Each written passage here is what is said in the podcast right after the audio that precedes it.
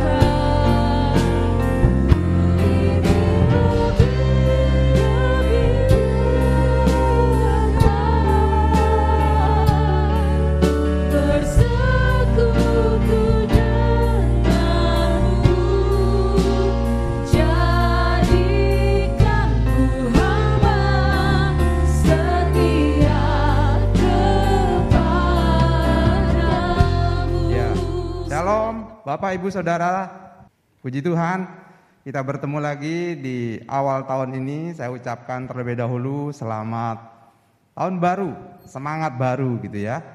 Uh, di awal tahun ini, biasanya di akhir tahun kita evaluasi, di awal tahun kita resolusi gitu ya. Tapi kali ini saya mau mengajak seluruh Bapak Ibu dan saudara-saudara mengingat perjalanan kita di tahun 2000 yang lalu ya Tahun yang cukup sulit, tapi bersama dengan Tuhan kita sudah lalui. Kalau evaluasinya seperti itu ya. Jadi spiritual journey kita di 2020 dimulai dengan membaca Alkitab, pujian dan penyembahan, doa pribadi, kemudian penjangkauan, semangat beribadah, semangat pelayanan gitu ya. Kemudian ciri umat kerajaan, lalu perkataan dan perbuatan kita, pernikahan dan keluarga, sampai karakter Kristus, dan pemulihan hati ditutup dengan menjadi teladan. Coba Bapak Ibu cek sebentar gitu ya.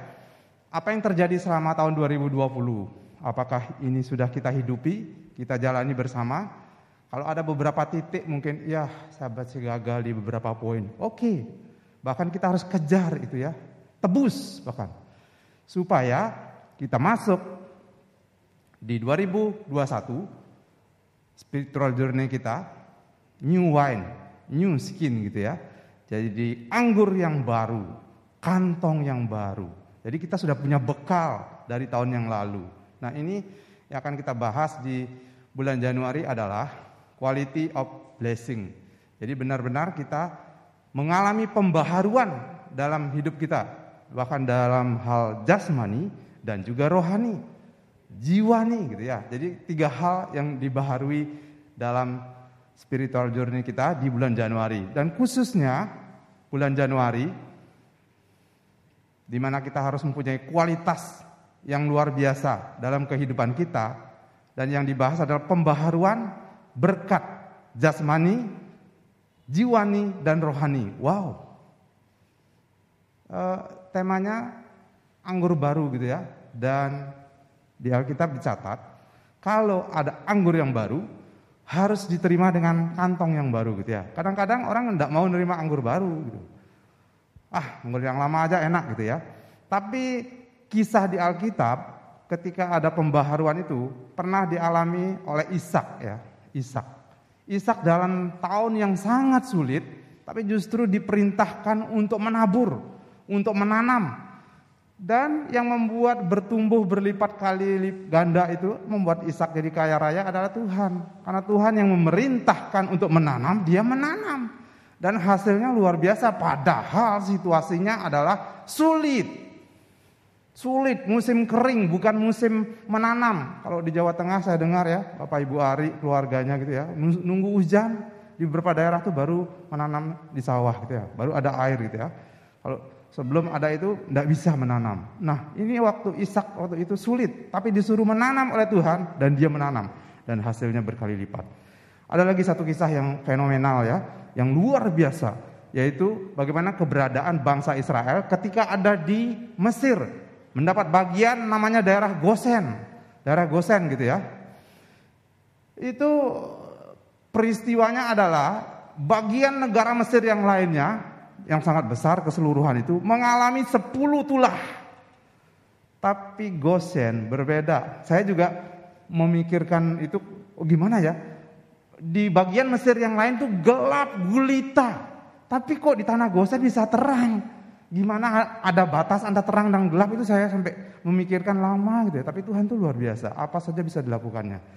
Bagian tanah Goshen tetap terang dan terhindar dari malapetaka, dari tulah. Itu kalau Tuhan memerintahkan kepada kita. Nah, siapkah Bapak Ibu?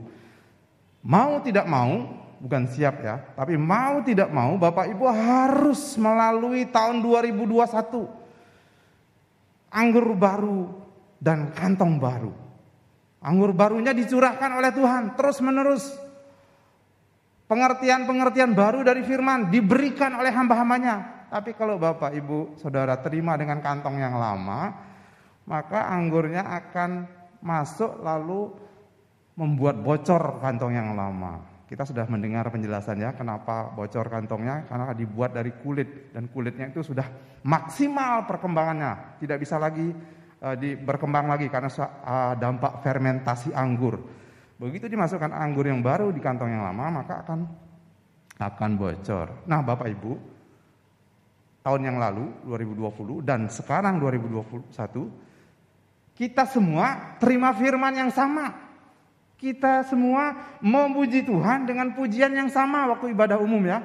Tapi kalau kita lihat evaluasi, kalau kita checklist, kayaknya hasilnya kok agak beda-beda ya. Kenapa ya? Ternyata yang menyebabkan berbeda itu adalah tanah yang menerima firman itu. Kalau dia tanah yang berbatu-batu gitu ya, maka dia akan uh, tumbuh sebentar, habis itu nggak dapat tanah lagi, mati layu itu firmannya ya. Kalau dia jatuh di pinggir jalan karena kantongnya bolong gitu ya, jadi firmannya nggak tersimpan dan bertumbuh, tapi berceceran dan dimakan burung. Kalau dia di firman itu jatuh di tanah yang bersemak gitu ya. Dia tumbuh bersama-sama dengan semak, kejepit ya, terhimpit sehingga dia ah lalu dia kalah oleh tantangan dunia ini. Bahkan meninggalkan Tuhan.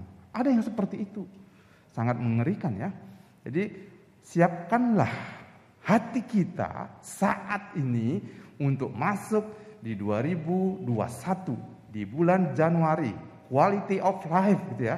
Jadi kualitas hidup kita ini harus betul-betul disiapkan supaya hati kita itu seperti tanah yang subur.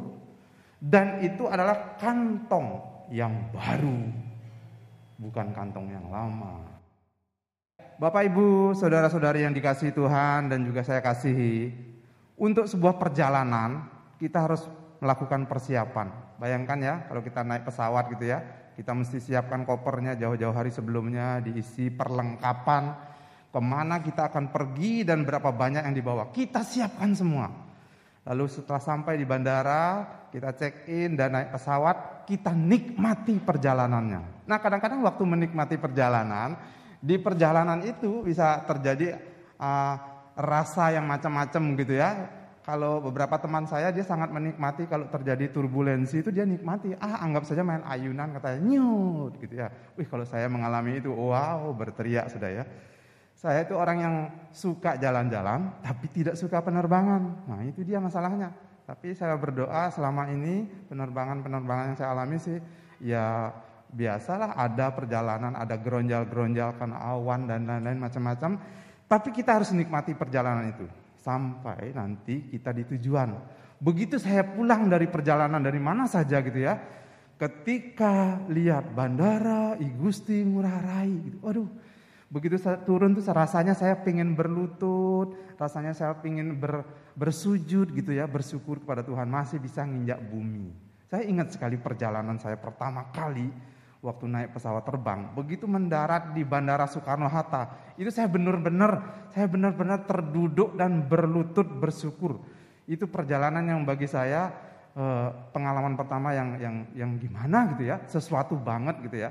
Tapi puji Tuhan, sebuah perjalanan harus dipersiapkan. Yang pertama, yang kedua harus dinikmati perjalanannya. Apa pun yang terjadi di jalan, pokoknya nikmati sampai nanti kita di tujuan lalu kita bersuka cita. Itu yang jadi di spiritual journey kita di bulan Januari maupun sampai akhir nanti harus kita nikmati dan ingat di tengah perjalanan bisa banyak hal yang terjadi tapi satu hal kita ingat bahwa Allah selalu beserta dengan kita. Amin. Ya, percaya itu ya. Nah, ini dia. Tema kita, kita akan sampai di tema untuk minggu ketiga ini adalah menerima anggur baru. Menerima anggur baru. Jadi Bapak Ibu dan saudara-saudara yang dikasihi Tuhan, anggur baru itu bakal dicurahkan terus oleh Tuhan melalui hamba-hambanya yang memberitakan firman. Dan firman yang sudah tercatat berabad-abad bahkan ribuan tahun yang lalu itu bisa menjadi sesuatu yang baru. Karena firman Allah itu selalu baru tiap hari. Tak pernah habis-habisnya rahmatnya gitu ya. Jadi uh, Alkitab mencatat seperti itu ya. Jadi nikmatilah firman yang dibagikan itu, yang merupakan anggur yang baru itu dengan sukacita, dengan tanah yang subur, dengan yang rela diperbaharui gitu ya. Jadi kalau hati kita terbuka menerima anggur yang baru, keren. Itu akan terbukti nanti, apalagi setelah kita evaluasi di akhir tahun ya, bagaimana pertumbuhan kita jasmani dan rohani adalah supaya terjadi peningkatan. Nah, kalau diterima dengan kantong lama, tadi sudah disampaikan, itu akan bocor, tapi harus terima dengan kantong baru. Alkitab waktu firman Allah konteks ini berarti 2000 tahun lebih itu ya. 2000 tahun lebih. Situasinya memang seperti itu. Belum ada botol, belum ada plastik waktu itu ditemukan untuk tempat menampung anggur, tapi dari kulit binatang. Dan itu ada batasnya, seperti itu. Nah, kita pelajari pada hari ini menerima anggur baru. Bicara tentang anggur, tiba-tiba kita semua pasti ingat ada kisah yang fenomenal yang terjadi namanya di kota Kana gitu ya. Di kota Kana. Di situ terjadi mujizat. Mujizat. Kita baca bersama-sama di Yohanes 2 ayat 1 sampai 11. Yohanes 2 ayat 1 sampai 11. Pernikahan di Kana. Pada hari ketiga ada perkawinan di Kana yang di Galilea dan ibu Yesus ada di situ. Hati Maria ada di situ. Ayat 2, Yesus dan murid-muridnya diundang juga ke perkawinan itu. Berarti yang menikah ini paling tidak kerabat atau kenalan atau orang-orang yang dekat lah makanya diundang ya. Yesus juga diundang bersama murid-muridnya. Ayat 3. Ketika mereka kekurangan anggur, ibu Yesus berkata kepadanya, kepada Yesus ya, mereka kehabisan anggur. Kayaknya ini baru lapor saja gitu ya. Bu Maria tidak tahu apa yang akan dilakukan. Yesus gitu ya. Karena kita ketahui setelah kita mengerti semuanya kisah ini adalah ini adalah mujizat yang bakal dibuat Yesus untuk pertama kalinya. Begitu kisahnya dicatat ya. Ayat 4, kata Yesus kepadanya, "Mau apakah engkau daripadaku, Ibu? Saatku belum tiba." Jadi ini awal-awal pelayanan Tuhan Yesus, selesai dia eh, puasa dan doa, kamu selesai gunung pencobaan, selesai itu ya, lalu dia memulai pelayanannya. Dan belum pernah melakukan mujizat apa pun, baru mulai pelayanan, baru memilih murid gitu ya, baru memilih murid. Jadi kalau Bapak Ibu Saudara-saudara bayangkan gitu ya, saya saya penggemar itu juga. Jadi kalau ada guru misalnya, ada guru silat gitu ya, yang terkenal, yang sudah jago, itu akan banyak pengikutnya, banyak muridnya, bahkan muridnya rela bayar untuk berguru kepadanya. Nah Yesus ini kan belum kelihatan apa-apa ini, jadi dia pilih muridnya dulu. Yesus yang memilih muridnya dan muridnya belum tahu dalam tanda kutip kesaktiannya Yesus seperti apa belum tahu, belum ada catatannya gitu ya. Jadi masih ikut. Itu nanti akan terbukti di akhir dari kisah ini ya. Tetapi ibu Yesus berkata kepada pelayan-pelayan. Dia ngomongnya ke pelayan ini, bukan kepada Yesus ya. Tadi tadi sudah ngelapor sama Yesus. Yesus sih tidak merespon. Mau apa? Belum waktunya gitu ya. Cuman gitu aja. Nah, akhirnya Maria berkata kepada pelayan-pelayan itu, "Apa yang dikatakan kepadamu, buatlah itu." Iman dari mana itu ya Ibu Maria ya. Pokoknya apa yang dikatakan Yesus, buatlah itu. Itu ditekankan sekali. Dan ayat 6 mencatat, ayat 6, perhatikan ayat 6. Di situ ada enam tempayan. Hmm, ada enam tempayan yang disediakan untuk pembasuhan. Ada tempayan isi air di depan pintu biasanya digunakan untuk basuh kaki menurut adat orang Yahudi. Kalau tambahannya lagi, biasanya ada dulos di situ, ada hamba yang pegang lap semacam handuk jadi tamunya disiram kakinya, dibersihkan gitu ya. Kemudian di dibersihkan dengan anduk, dikeringkan gitu ya. Seperti itu. Di depan pintu, bayangkan itu ya. Nah, itu yang terjadi di ayat 6. Masing-masing isinya dua tiga buyung. Jadi enam tempayan. Satu tempayan masing-masing isinya dua sampai tiga buyung. Ayat 7. Yesus berkata kepada pelayan-pelayan itu, Baru Yesus bereaksi dan berespon ya. Sekarang ayat 7. Isilah tempayan-tempayan itu dengan air. Saya ulangi ayat 7. Yesus berkata kepada pelayan-pelayan itu, isilah tempayan-tempayan itu penuh dengan air. Jadi tadi mungkin sudah dipakai itu, sudah cuci kaki, cuci kaki tamunya, itu agak berkurang, sudah airnya mungkin sisa sedikit gitu ya. Lalu Yesus berkata, isi penuh dengan air. Ya namanya di Timur Tengah gitu ya, padang gurun gitu ya, nggak ada keran kayak sekarang kita buka cor, nggak, nggak, nggak seperti itu. Itu mesti minimal ke belakang, minimal kalau ada rumah itu bagus dan besar, ada sumurnya, minimal juga harus nimba dulu gitu ya. Belum ada mesin penyedot air waktu itu ya. Jadi nimba dulu ya, mesti bolak-balik tuh pelayan mengisi enam tempayan itu sampai penuh. Mungkin mereka mikir, bagianku sih bukan ini, tapi karena disuruh uh, ngisi air ya sudahlah, mau aja deh gitu ya. Nah, yang yang yang serunya adalah setelah itu mereka pun mengisinya sampai penuh. Lalu ayat 8, ayat 8, bayangkan kalau Bapak, Ibu, Saudara-saudara berfungsi sebagai pelayan itu. Rasakan coba, rasanya seperti apa? capek ngisi air enam tempayan, lalu perintah berikutnya ini, perintah berikutnya sini. Perhatikan ayat 8. Lalu kata Yesus kepada mereka, pelayan-pelayan itu ya, sekarang cedeklah dan bawalah kepada pemimpin pesta. Kalau itu Bapak Ibu gimana? Wah, apalagi yang pakai logika ya. Apa-apaan nih? Yesus tamu merintah saya sudah syukur saya mau ngisi air memenuhi gentong itu. Masa ce, suruh cedok air itu lalu bawa ke pemimpin pesta. Wah, udah tahu prosesnya kan? Itu air yang saya timba. Itu saya penuhi. Oh, sekarang kok disuruh cedok bawa ke pemimpin pesta yang kehabisan anggur. Kalau Bapak Ibu dan teman-teman yang logikanya main, kayaknya komplain dengan perintah ini. Jadi bisa jadi perintah Tuhan itu tidak masuk di logika kita, tidak masuk di akal kita. Tapi kalau itu pasti perintah Tuhan, apa yang harus Bapak Ibu lakukan? Harus lakukan. Just do it gitu ya. Pokoknya lakukan saja. Kan Tuhan yang nyuruh. Tuhan sudah atur semuanya.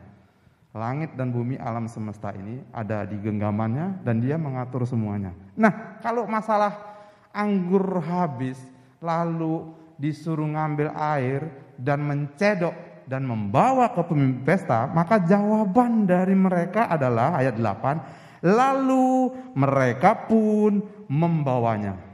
Mungkin dengan sedikit deg-degan gitu ya. Saya tahu itu dalam tanda kutip itu air untuk cuci kaki gitu ya. Saya sendiri yang nimba. Ih, suruh bawa. Ya wis, bawa wis. Ayat 9. Ayat 9 perhatikan. Setelah pemimpin pesta itu mengecap air yang telah menjadi anggur itu dan ia tidak tahu dari mana datangnya, nggak ngelihat ya prosesnya ya tadi ya. Tetapi pelayan-pelayan yang mencedok air itu mengetahuinya. Pemimpin pesta memanggil mempelai laki-laki. Wow. Jadi pengantinnya yang pria dipanggil. Omongannya seperti ini, ayat 10. Dan berkata kepadanya, setiap orang menghidangkan anggur yang baik dahulu dan sesudah orang puas minum, barulah yang kurang baik. Akan tetapi engkau menyimpan anggur yang terbaik sampai sekarang. Itu setelah pemimpin pesta merasakan anggur, eh anggur, air yang diberikan oleh para pelayan itu. Dia nggak tahu itu, itu apa sebenarnya dia nggak tahu. Pokoknya dia karena dikasih dia minum aja dan dia bilang, wow ini enak. Bahkan sampai terakhir ada anggur yang enak. Biasanya yang enak-enak dulu, setelah itu baru yang kualitas yang kurang enak dihidangkan ya, karena udah puas minum. Ini enggak. Sampai sekarang, kalau saya sih bahasakan, ini kok bisa lebih enak ya. Yang enak tuh keluar belakangan gitu ya. Kalau saya makan memang yang enak saya makan belakangan. Jadi kalau ada nasi, sayur dan lauk, maka lauknya itu saya pakai uh, tombo yang terakhir yang paling enak ya supaya kesan nyas gitu ya. Jadi tidak nasinya yang terakhir, tapi lauknya kalau saya. Ternyata ini kisahnya seperti itu ya. Jadi justru ketika diminum oleh pemimpin pesta, wow, dia puji. Nah, yang ayat 11 ini yang penting tujuannya ya. Kenapa itu semua terjadi? Hal itu dibuat Yesus di Kana yang di Galilea. Kana Galilea, Galilea itu di utara ya. Kalau Yudea itu di selatan. Kayak Yerusalem itu di selatan. Kalau Kana di Galilea, di utara. Sebagai yang pertama dari tanda-tandanya. Dan dengan itu ia telah menyatakan kemuliaannya dan murid-muridnya percaya kepadanya. Jadi ini tercatat di dalam kisah pernikahan di Kana ini, Yesus membuat mujizat. Mujizatnya air biasa begitu ya, tapi ketika dicicipi setelah dicedok rasanya anggur yang lebih baik. Saya bawa oleh-oleh tahun 2000 2000 berapa? 11, 12. Oh, 2012. 2012 saya beli ini ya di Kota Kana. Saya beli dua botol kecil. Dua botol kecil. Anggur asli dari kota Kana gitu ya. Wih, saya sayang-sayang. Bayangkan 2012 ya, eh, yang satu sudah hampir habis, yang ini udah kelong sedikit ya. Kalau perjamuan kudus di rumah saya minum sedikit-sedikit gitu ya. Saya sayang-sayang gitu ya. Berarti cukup tua ini, 9 tahun gitu ya, 9 tahun. Dan dan anggurnya pasti 9 tahun lebih karena kan sebelum dijual sudah diproduksi dulu. Jadi produksi sudah cukup lama gitu ya. Ini ya. Saya simpan anggur dari Kana. Jadi Kana Wedding terkenal sekali di situ ya. Dan kalau orang-orang yang berkunjung ke sana pasti belilah oleh-oleh seperti ini ya. Nah, ini anggur. Tuhan Yesus melakukan mujizat itu supaya murid-muridnya percaya kepadanya. Jadi waktu itu kalau saya ada di situ dan tahu peristiwanya seperti ini ya, seperti Yohanes mencatat ini ya, woi saya bisa terbengong-bengong ya. Kok bisa ya? Wow. Dan ini yang pertama kali. Setelah itu Yesus memberikan dan membuat mujizat begitu banyak. Oke, okay, next.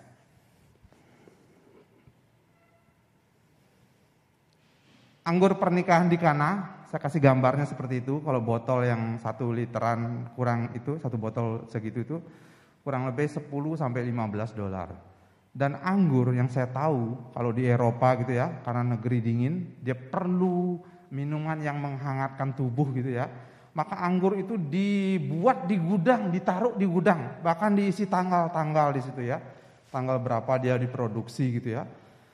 Dari bahkan kalau misalnya orang yang ahli di bidang ini dia mengecap, begitu dikecap gitu ya, di dirasain gitu, wah ini anggur tahun 1800, dia tahu karena dia memang bergeraknya di situ dan dia tahu. Harganya, uh dia tahu berapa juta gitu ya. Apalagi ada yang dari 1600 gitu ya di gudang ditaruh mungkin ketinggalan paling bawah gitu ya, enggak diambil-ambil. Itu kalau dijual mahal banget. Itu anggur yang lama gitu ya. Seperti itu anggur ya. Tapi dalam kisah ini, dalam kisah perkawinan di Kana ini, Yesus memberikan anggur yang baru. Padahal itu asalnya dari air ya, tapi Yesus menjadikannya anggur yang baru dan tercatat di situ bahwa rasanya enak dan menurut tafsiran saya lebih enak dari anggur yang lama. Nah, bagaimana kita? Kadang-kadang kita punya apa? Apalagi misalnya orang yang sudah sepuh gitu ya, sudah punya kebiasaan apa dari tahun berapa gitu ya. Memang begini caranya saya gitu ya. Misalnya membaca Alkitab dan lain-lain ya ada cara baru membaca Alkitab. Cara baru, ah enggak, saya enggak mau itu. Saya mau pakai cara lama saja. Ya begitu. Udah kebiasaan minum anggur lama. Jadi dia enggak akan tertarik dengan anggur yang baru. Tapi perhatikan Bapak Ibu Saudara-saudara. Kalau Tuhan Yesus memberikan anggur yang baru, rasanya keren. Jadi kalau nanti selama bulan Januari, selama 2021 ada firman Allah, ada pengertian-pengertian baru yang dibukakan oleh hamba-hambanya, kita harus menerimanya dengan kantong baru. Jadi kalimat singkatnya seperti ini. Menerima anggur baru dengan hati yang baru. Dengan kantong yang baru. Kalau zaman itu harus itu karena kantongnya kalau kantong lama bocor. Lah sekarang kan tidak pakai kantong, Pak. Sekarang kan pakai botol atau pakai plastik. Saya masih berpendapat begini. Anggur yang lama ini yang sudah 9 tahun di kulkas saya, nanti tiap minggu atau tiap apa perjamuan kudus di rumah, kalau saya minum ini akan habis dan kosong. Kalau saya tidak mendapat anggur yang baru lagi, ya kosong ini. Tidak punya anggur lagi saya. Jadi Bapak Ibu, oleh anugerah Tuhan, pemberitaan masih bisa dilakukan sekarang di negeri ini. Ada kan tiba saatnya firman itu tidak akan bisa diberitakan. Tiba saatnya firman itu juga dicari-cari nggak ada lagi. Saya tidak ngerti itu di kitab Wahyu ada seperti itu. Dicari nggak ada lagi orang haus datang dari sana sini nyari nggak ketemu ketemu. Sebelum masa itu tiba, selagi firman Allah, selagi anggur baru masih dicurahkan, masih dianugerahkan dengan begitu melimpah. Yang perlu kita lakukan adalah persiapkan wadahnya. Persiapkan botolnya. Kalau sudah mulai berkurang-berkurang, silahkan diisi lagi. Diisi lagi supaya kita punya tetap mempunyai anggur yang menyegarkan kita. Anggur yang baru menyegarkan kehidupan kita. Anggur yang baru kita terima dengan hati yang baru. Amin. Sebab kalau dengan kantong lama, dengan hati yang lama, dengan karakter kita yang lama, yang tidak peduli, yang cuek, maka firman itu akan bocor. Tidak bertumbuh ketika kita evaluasi akhir bulan, akhir tahun, kita nggak mengalami pertumbuhan, bahkan hubungan dengan Tuhan terganggu terus gitu ya. Tapi kalau kita siapkan wadahnya, kantong yang baru, maka kita akan menampung anggur yang baru itu. Dan sebagai penutup, bahkan resolusi di 2021, the year of new wine. Saya kasih ayat penutup. Markus 2 ayat 22. M 2 dua, dua, gitu ya cara mengingatnya ya. M dua, dua, dua. Markus 2 ayat 22. Demikian juga tidak seorang pun mengisikan anggur yang baru ke dalam kantong kulit yang tua, karena jika demikian anggur itu akan mengoyakkan kantong itu sehingga anggur itu dan kantongnya dua-duanya terbuang. Tetapi anggur yang baru hendaknya disimpan dalam kantong yang baru pula. Yang mau dan percaya katakan amin. Puji Tuhan. Mari kita naikkan pujian ini ya. Banyak perkara yang terjadi yang kita hadapi. 2020 ada banyak hal yang kita tidak mengerti. Tetapi percayalah, Tuhan ada di tengah-tengah kita dan dia selalu menyertai apa yang kita lakukan. Haleluya. Banyak perkara yang tak dapat ku.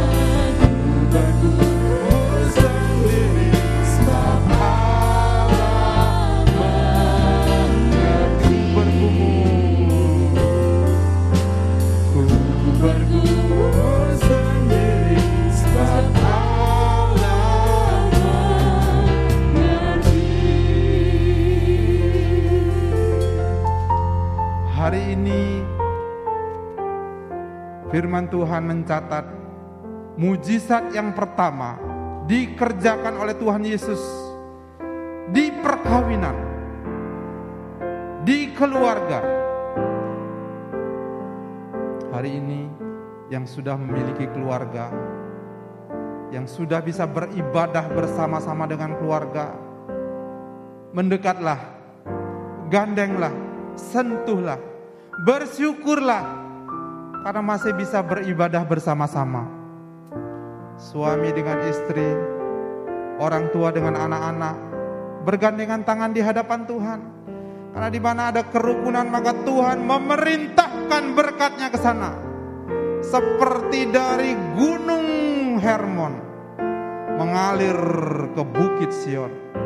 Berkat-berkat yang diperintahkan oleh Tuhan, yang disiapkan oleh Tuhan, anggur baru yang disediakan oleh Tuhan, dicurahkannya kepada keluarga. Mujizat pertama dikerjakan di keluarga Tahun 2020 sudah kita lalui. Mungkin banyak hal yang terjadi. Membuat berbagai friksi di keluarga. Berbagai pertentangan. Bahkan keributan.